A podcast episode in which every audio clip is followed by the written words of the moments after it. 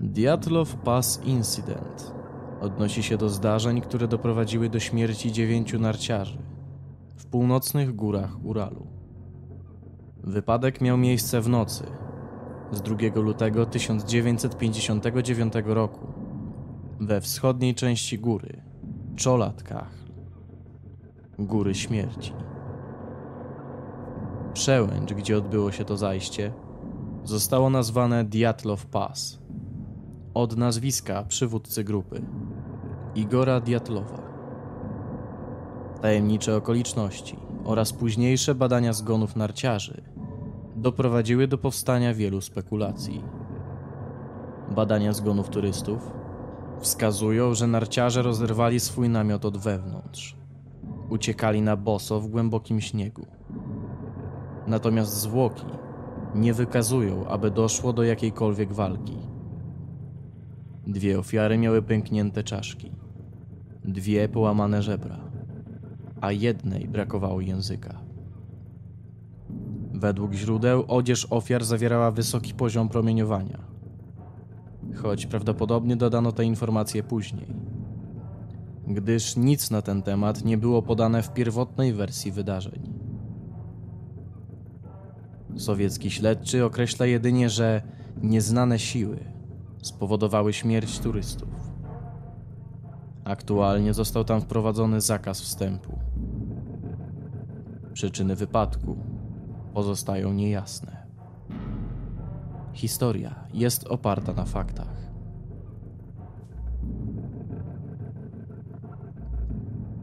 Tragiczny finał wyprawy na Ural. 50 lat od zaginięcia grupy Diatłowa.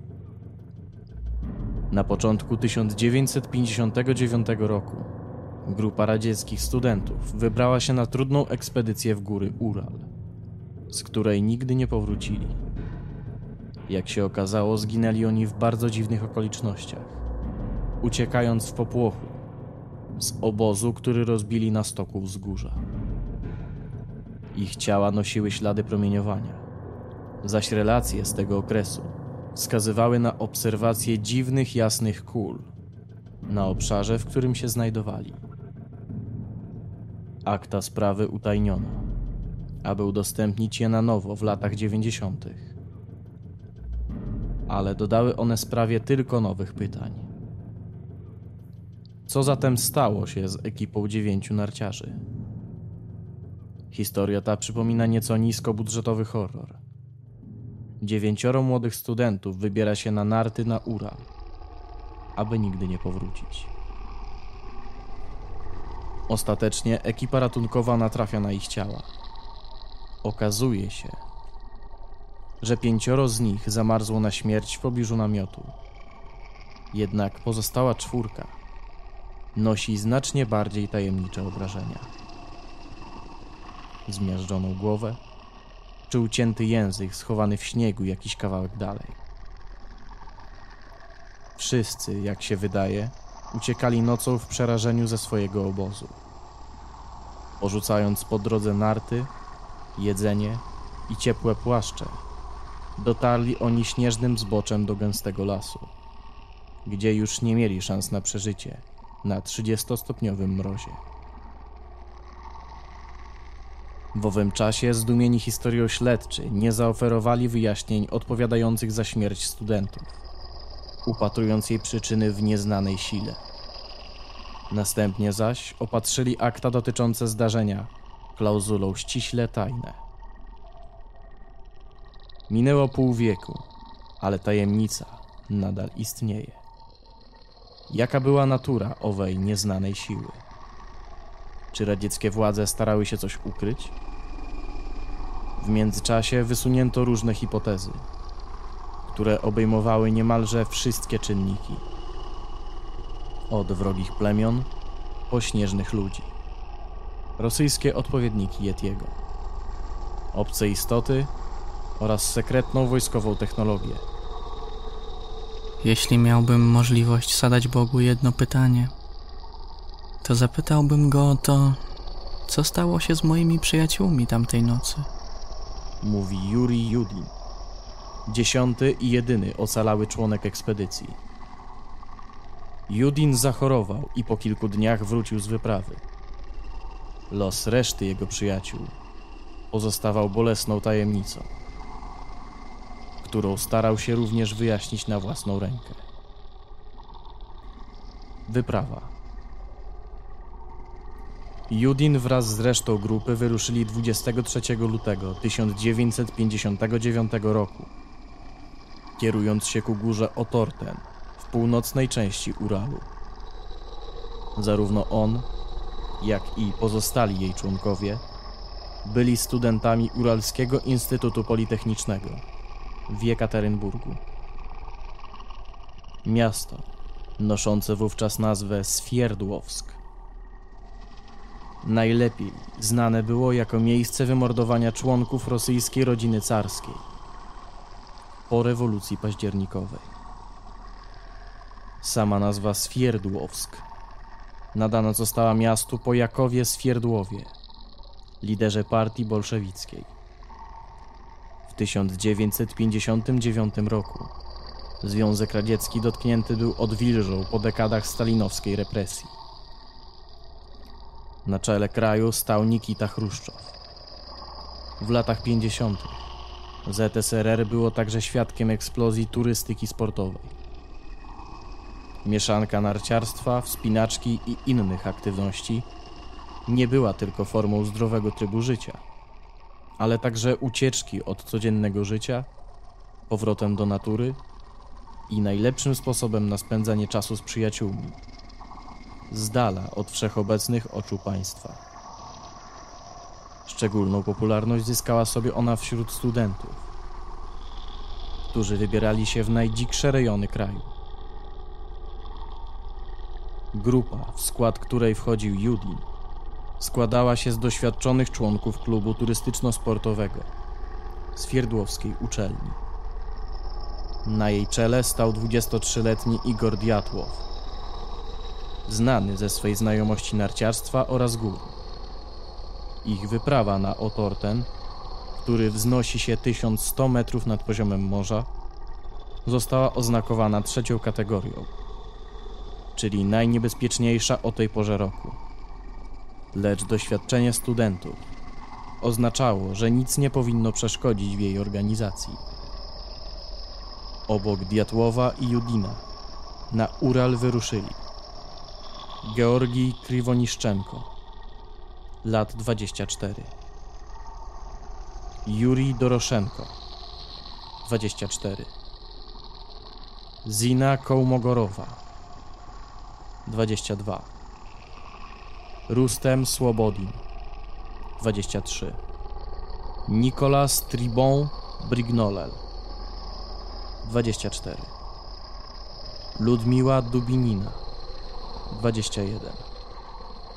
Aleksander Kolewatow 25 oraz Aleksander Zołotariow 37.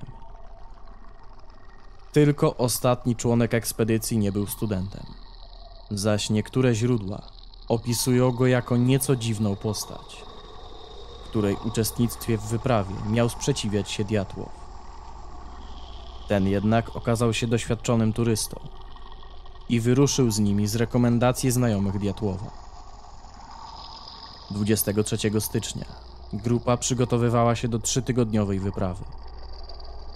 Dotarli oni 25 stycznia pociągiem do Iwdela, zaś potem samochodem do Wiżaj, ostatniej zamieszkałej osady leżącej na skraju pokrytej śniegiem głuszy, wśród której leżał Otorten. 28 stycznia Judin zachorował i musiał wracać. Przez co na miejscu pozostała tylko grupa dziewięciu osób. Wtedy po raz ostatni widział też wszystkich żywych. Obrót wydarzeń po odjeździe Judina da się odtworzyć jedynie z dzienników i zdjęć autorstwa członków grupy, które znaleziono w ostatnim obozowisku. Po odjeździe kolegi Członkowie grupy przedzierali się przez odludne tereny i zamarznięte jeziora, poruszając się przez cztery dni po trasach lokalnego plemienia Mansów. 31 stycznia dotarli nad rzekę Auspiar, gdzie rozbili obóz, w którym pozostawili narzędzia i prowiant, który wykorzystać mieli w drodze powrotnej. Stamtąd pierwszego dnia lutego wyruszyli ku górze Otorten. Z jakichś powodów, a najprawdopodobniej z racji złej pogody, grupa zbłądziła, odnajdując się na zboczu góry Czolatkach, na wysokości ponad tysiąca metrów. Tam około 17 rozbili namiot, w którym mieli spędzić noc. Choć w odległości półtora kilometra znajdował się las, który mógł zapewnić im lepsze schronienie. Ostatnie zapiski z dzienników wskazują, że uczestnicy wyprawy byli w dobrych nastrojach.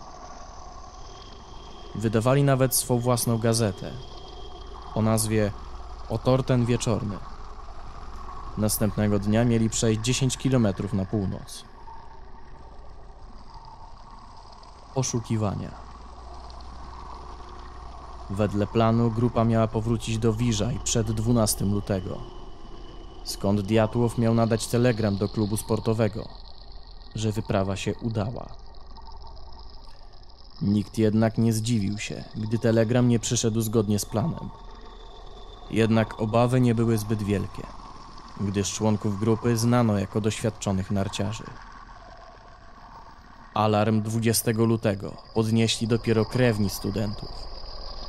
Zaś na Ural z instytutu wysłano ekipę poszukiwawczo-ratunkową,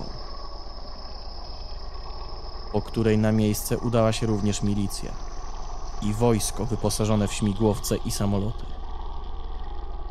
Ratownicy ochotnicy na opuszczony obóz natknęli się 26 lutego. Ekipa poszukiwawczo-ratunkowa.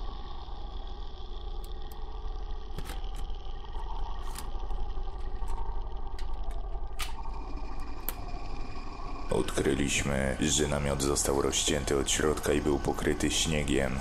Był pusty, zaś w środku znajdowały się wszystkie rzeczy, w tym buty. Mówił Michał Szarawin, który znalazł namiot. W głębokim na metr śniegu odkryto ślady ludzi bosych w skarpetach, walonkach oraz jednym bucie. Odciski stóp pasowały do członków grupy, choć nie udało się ustalić, czy ośmiu, czy dziewięciu z nich. Na miejscu nie znaleziono śladów szamotaniny, czy obecności innych niż studenci osób. Ich samych jednak nie było. Ślady prowadziły w dół zbocza w kierunku lasu. Jednak po 500 metrach się urywały. W odległości półtorej kilometra od namiotu trafiono na pierwsze dwa ciała. Georgij Krywoniszczenko i Juri Doroszenko leżeli bosi i odziani jedynie w bieliznę na krawędzi lasu w pobliżu dużej sosny. Ich ręce były poparzone, a w pobliżu znajdowały się ślady ogniska. Złamane na wysokości pięciu metrów gałęzie drzewa sugerowały, że któryś z narciarzy wspiął się tam, aby spojrzeć na coś z wysokości. 300 metrów dalej leżało ciało Diatłowa. Leżał na plecach, z twarzą zwróconą w kierunku obozu. W jednej ręce trzymając gałąź. 180 metrów dalej, w kierunku namiotu, ekipa natrafiła na zwłoki Słobodina. Zaś 150 metrów dalej, Ziny Kołmogorowej. Wyglądało na to, że dwójka starała się dotrzeć ostatkiem sił do obozu. Lekarze orzekli, że cała piątka zmarła wskutek hipotermii. Jedynie ciało Słobodina nosiło obrażenia inne od poparzonych rąk.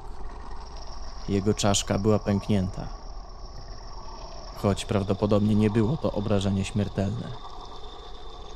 Poszukiwania pozostałej czwórki zajęły dalsze dwa miesiące. Ich ciała odnaleziono pod czterometrową warstwą śniegu, w leśnej rozpadlinie w odległości 75 metrów od drzewa, przy którym znaleziono pierwsze dwie ofiary. Nicolas Thibon Brignolel, Ludmiła Dubinina, Aleksander Kolewatow oraz Zołotariow zmarli, jak się wydawało, wskutek znacznie bardziej tragiczny. Czaszka pierwszego z nich była zmiażdżona, zaś Dubinina i Zołotariew mieli liczne połamane żebra. Kobiecie brakowało także języka. Mimo wszystko brak było śladów obrażeń wewnętrznych.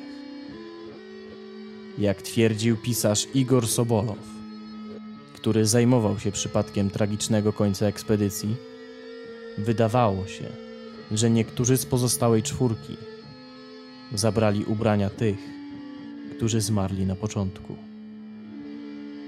Niektóre z nich miały w sobie cięcia, jak gdyby zostały zdarte na siłę. Zołotariow miał na sobie futro dubininej, podczas gdy ona miała stopy owinięte bielizną krywoniszczenki. Francuz miał na sobie dwa zegarki. Jeden pokazywał 8.14, zaś drugi 8.39. Mimo wielu pytań bez odpowiedzi, śledztwo zamknięto wraz z końcem miesiąca. Zaś dokumentację przesłano do tajnego archiwum. Co również ciekawe, na trzy następne lata ustalono zakaz odwiedzin w tym miejscu. Śledztwo. Miałem wtedy 12 lat, ale pamiętam, jak głęboki wpływ miał ten incydent na społeczeństwo, mimo wysiłku władz, aby badacze i członkowie rodzin zmarłych trzymali język za zębami. Mówi Jurij Kuncewicz, kierownik Jekaterynburskiej Fundacji Diatłowa, który do dziś stara się rozwiązać zagadkę. Przez lata wielu ludzi starało się zrozumieć, co tak naprawdę stało się nocą z 1 na 2 lutego 1959 roku na zboczu Czolatkach. Niektórych, jak Sobolowa, zafascynował tragiczny los narciarzy. Studenci, którzy stali się legendą, z odwagą stanęli do nierównej walki z nieznanym na zboczach Czolatkach i pokazali, że mogą stanąć do niej z pewnością. Pisał. Widok, na jaki natrafili poszukiwacze. Namiot był rozcięty od środka, zaś wokoło niego widać było ślady narciarzy, którzy uciekli z niego, zupełnie nieprzygotowani do trudnych warunków. Ale jaka jest prawdziwa natura nieznanego, z którym walczyli i niestety przegrali? dlaczego uciekli z namiotu i dlaczego zdecydowali się na dalszą ucieczkę pośród nocy, choć rozpalili już ognisko. Dlaczego druga grupa spoczęła pod kilkumetrową warstwą śniegu? Teorii jest wiele. Jedną z pierwszych, którą starali się zgłębić na początku śledczy w sprawie, dotyczyła morderstwa ze strony miejscowego ludu Mansów za naruszenie Ziemi Świętej. Przypuszczenia takie nie były bezpodstawne, gdyż incydent z lat 30. mógł dobrze zachować się w pamięci śledczych. W tym okresie szaman Mansów rzekomo utopił geolożkę, która wspięła się na górę uważaną za zakazaną przez jego lud. W przypadku grupy Diatłowa ani jedna, ani druga góra nie były jednak ważne dla Mansów, nie stanowiąc miejsc świętych ani zakazanych. Zdumiewającym zbiegiem okoliczności może być to, że nazwa Otorten oznacza w miejscowym języku nie idź tam. Zaś Czolatkach tłumaczy się jako Góra Śmierci. W każdym razie nazwy te mogą dla wędrujących mansów mieć raczej praktyczne, aniżeli jakiekolwiek inne zastosowanie. Ponadto najbliższa wioska ludu znajdowała się w odległości około 100 kilometrów, zaś oni sami utrzymywali raczej przyjazne stosunki z Rosjanami i nie zapuszczali się w zimę w okolice, w które wybrali się studenci, gdyż nie wiązały się one ani z ich terenami łowieckimi, ani pastwiskami. Jakiś czas potem teorię o zemście Mansów odrzucono z racji braku dowodów. Inne sugestie mówiły, że Diatłow i jego ludzie mogli natknąć się na przebywającą w okolicy grupę przestępców. Albo też zostali oni przypadkowo wzięci za zbiegłych więźniów przez strażników z miejscowego obozu. Jakiś czas potem mówiono nawet, że więźniowie obozu śpiewali piosenkę opartą na słowach wiersza Diatłowa.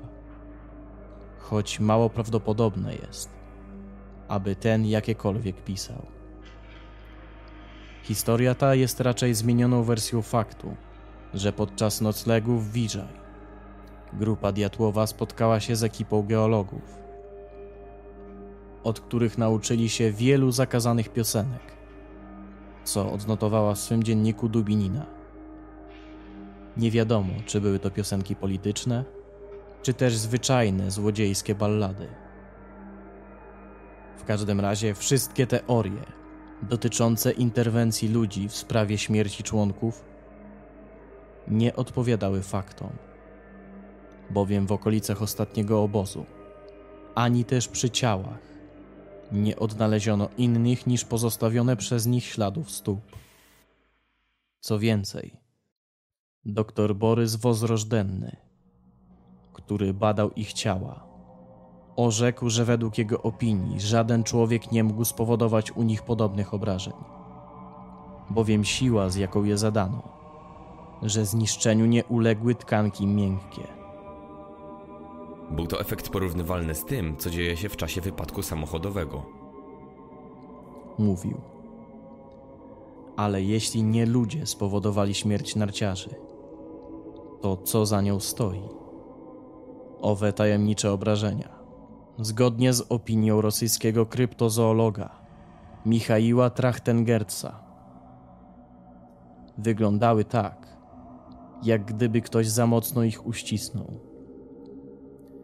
Inni fotelowi teoretycy sugerowali, że ucieczkę narciarzy z namiotu spowodował widok trzymetrowej wysokości potwora, który wyłonił się ze śniegu. Obserwacje śnieżnych ludzi i innych stworzeń przypominających wyglądem himalajskiego Yetiego są w Rosji powszechne. Jednak jeśli te stworzenia rzeczywiście ukrywają się gdzieś w głuszy, robią to, aby skryć się przed ludzkimi oczyma. Trachtengerz stwierdził również, że tworzona przez nich gazetka zawierała oświadczenie napisane wielkimi literami – od dziś wiemy, że ludzie śniegu istnieją. W dalszej części czytamy: Można ich spotkać na północnym Uralu, niedaleko od Ortena. Jednakże, biorąc pod uwagę raczej satyryczny ton gazetki, której zadaniem było jednoczenie grupy, można odnieść wrażenie, że studenci odnosili ten zapis raczej do siebie, nie zaś do nieznanych nauce istot. Oprócz tej pojawiły się także inne sugestie, w tym jedna odnosząca się do ataku podziemnych istot. Akta. Akta w sprawie Diatłowa udostępniono dopiero w latach 90. ubiegłego wieku. Ale zabieg ten dodał jedynie tajemnic. 1959 roku. Testy medyczne wykazały znaczne ślady promieniowania na ciałach i ubraniach czwórki narciarzy, odnalezionych w rozpadlinie. Wyglądało na to, że albo mieli oni do czynienia z materiałami radioaktywnymi, albo też znaleźli się w skażonej okolicy. Jeden z pierwszych badaczy sprawy, Lew Iwanow, opisuje zachowanie licznika Geigera w czasie wizyty w obozie grupy Diatłowa na Górskim Stoku. Iwanow mówi, że w miarę zbliżenia się do miejsca licznik zaczął nagle piszczeć i klikać. Stwierdził on jednak, że władze regionalne nakazały mu zamknąć dochodzenie i trzymać sprawę w tajemnicy. Władze niepokoiły także liczne doniesienia armii i służby meteorologicznej dotyczące jasnych latających kul, widywanych nad obszarem, gdzie leży obozowisko. W lutym i marcu 1959 roku, których obserwacje skoncentrowały się wokół 17 lutego.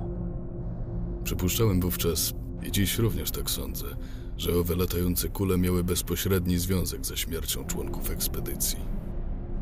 Powiedział Iwanow w jednej z kazachskich gazet.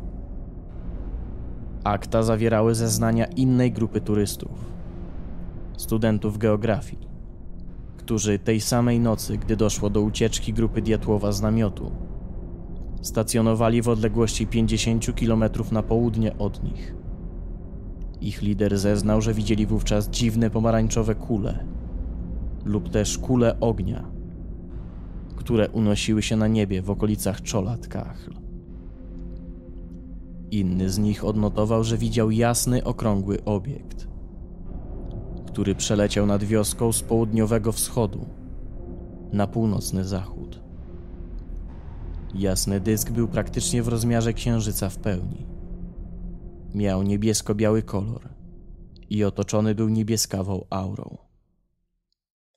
Otoczka nieznacznie błyskała, tak jak znajdująca się daleko burza. Gdy obiekt zniknął za horyzontem, niebo w tym miejscu pozostawało jasne jeszcze przez kilka chwil.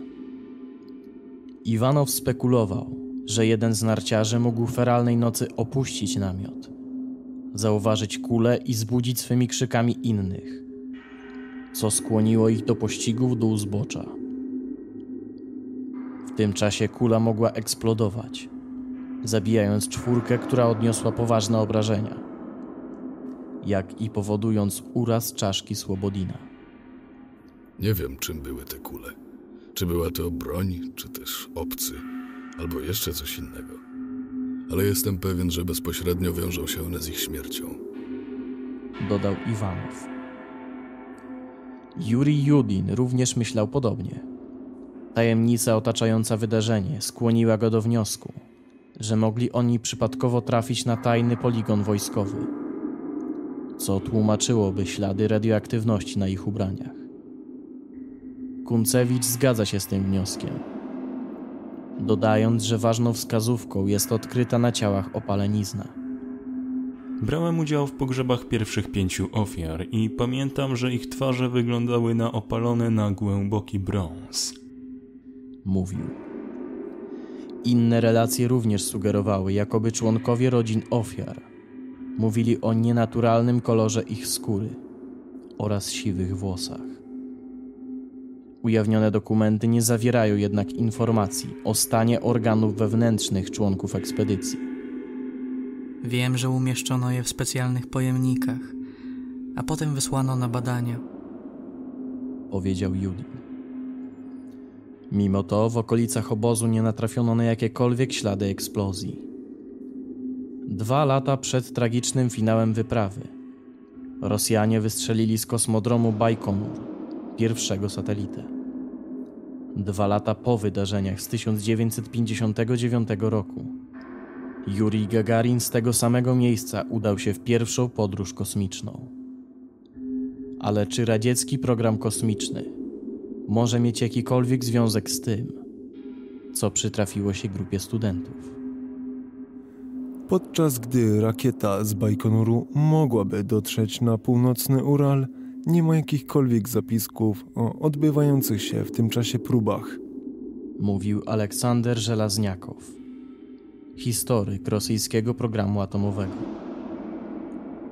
Drugi, leżący jednak znacznie bliżej kosmodrom, w Plesiecku, otwarto dopiero pod koniec 1959 roku Rakiety Ziemia-Powietrze, które mogły być z niego odpalane, również wówczas nie powstały. Mimo to Juri Kuncewicz, który w 2007 roku poprowadził w rejon Czolat Kachl ekspedycję, trafił tam na ślad cmentarzyska metalowych części, wskazujących na fakt, że wojsko przeprowadzało tam swego czasu eksperymenty.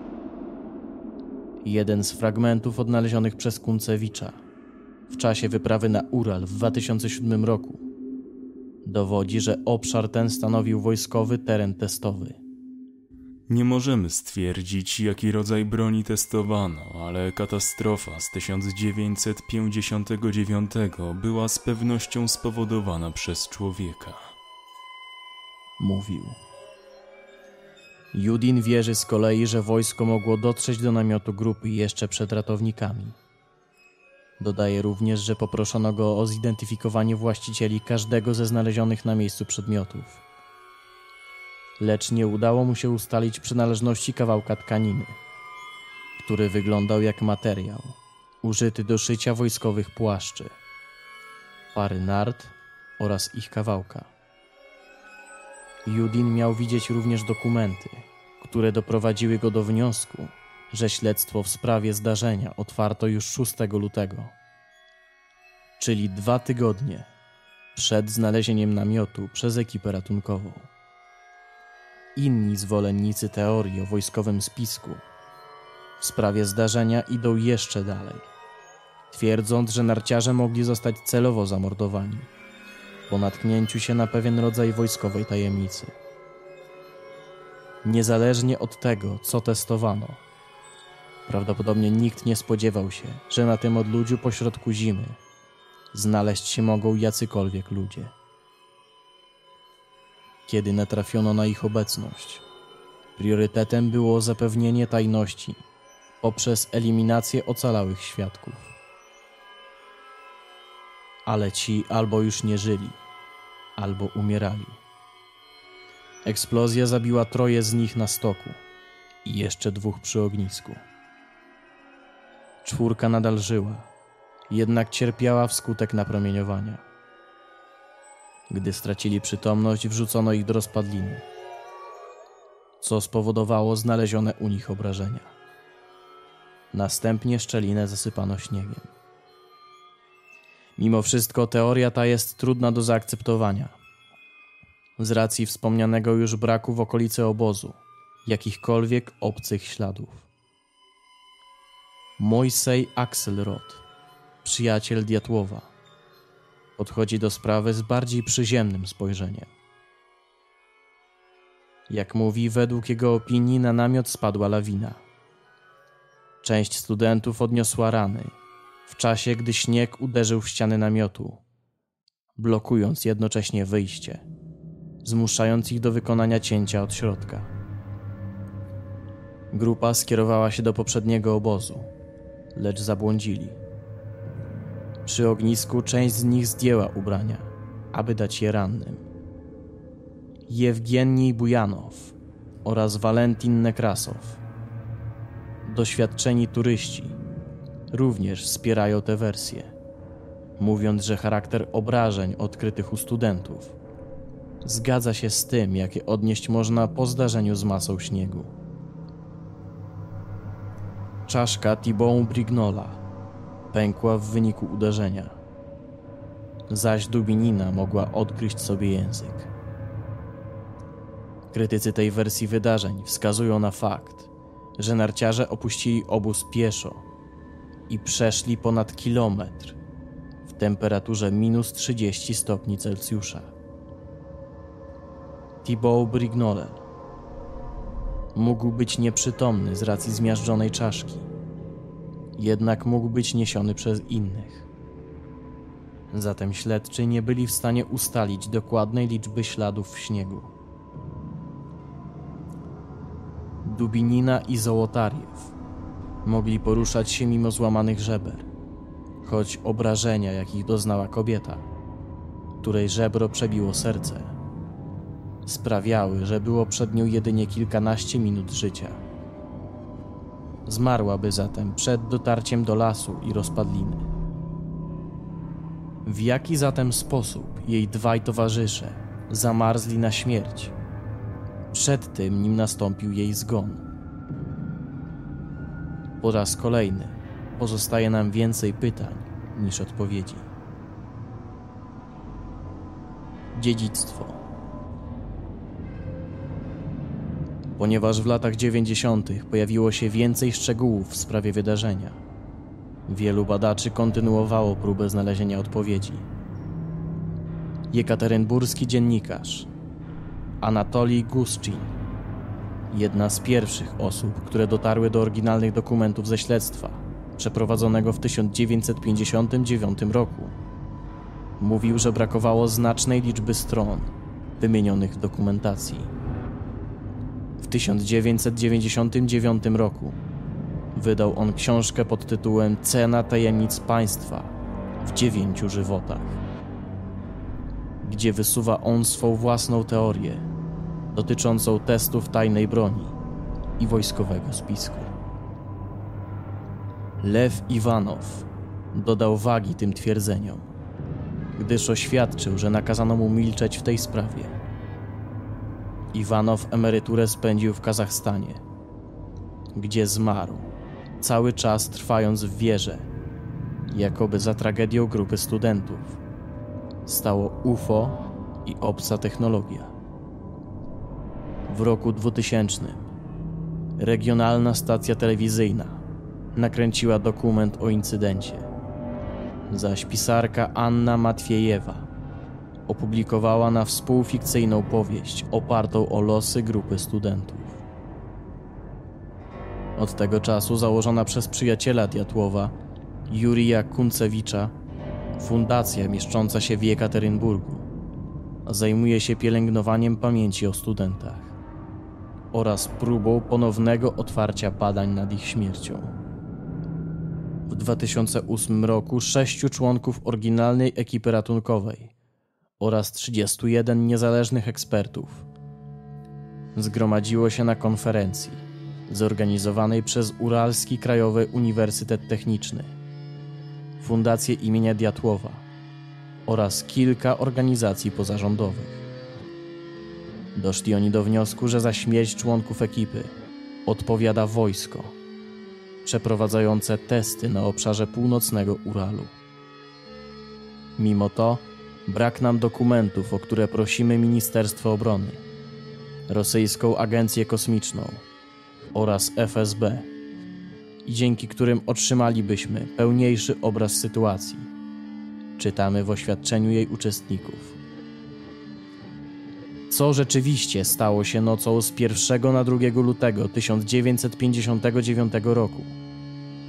Odpowiedzi możemy nie poznać nigdy, ale z pewnością ofiary tego incydentu, w tym Diatłow, nie zostaną tak szybko zapomniani. Okolica, w której rozbili swój ostatni obóz, została oficjalnie nazwana przełęczą Diatłowa.